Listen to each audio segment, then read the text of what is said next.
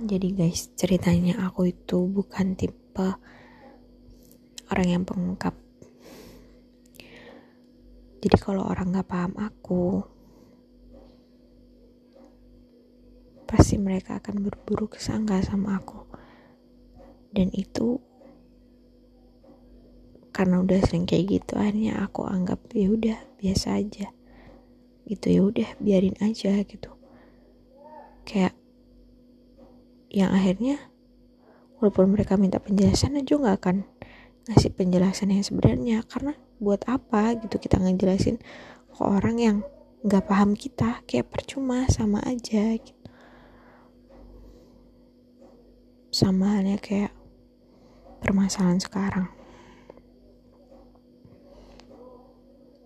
Jadi Najwa itu lagi terjebak di antara hubungan yang terdiri dari tiga orang.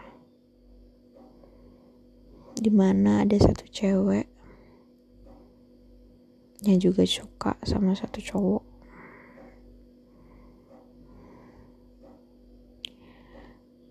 Dia juga nggak paham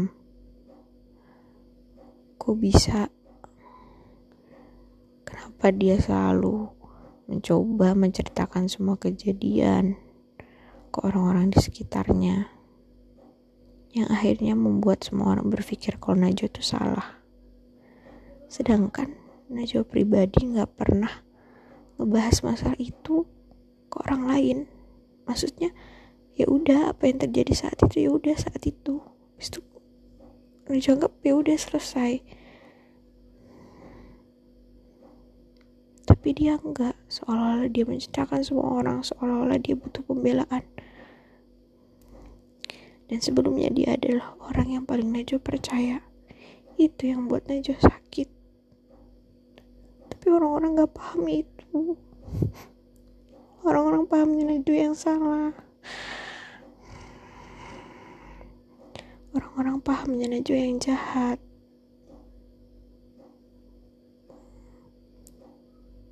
Tapi gak apa-apa.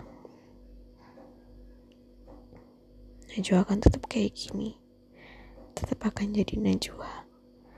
Tetap akan jadi Najwa yang selalu percaya bahwa ketulusan itu gak perlu disuarain. Bahwa ketulusan itu gak perlu dibela. Karena kebenaran itu akan terungkap dengan sendirinya. Karena ketulusan itu gak pernah bohong.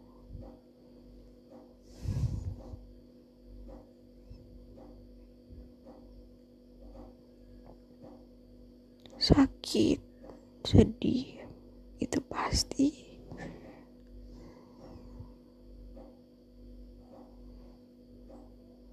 Satu pelajaran yang Najwa ambil sampai sekarang.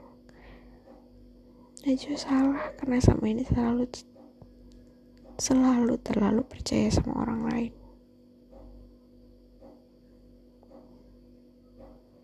Sampai ngerasa diri sendiri orang paling bodoh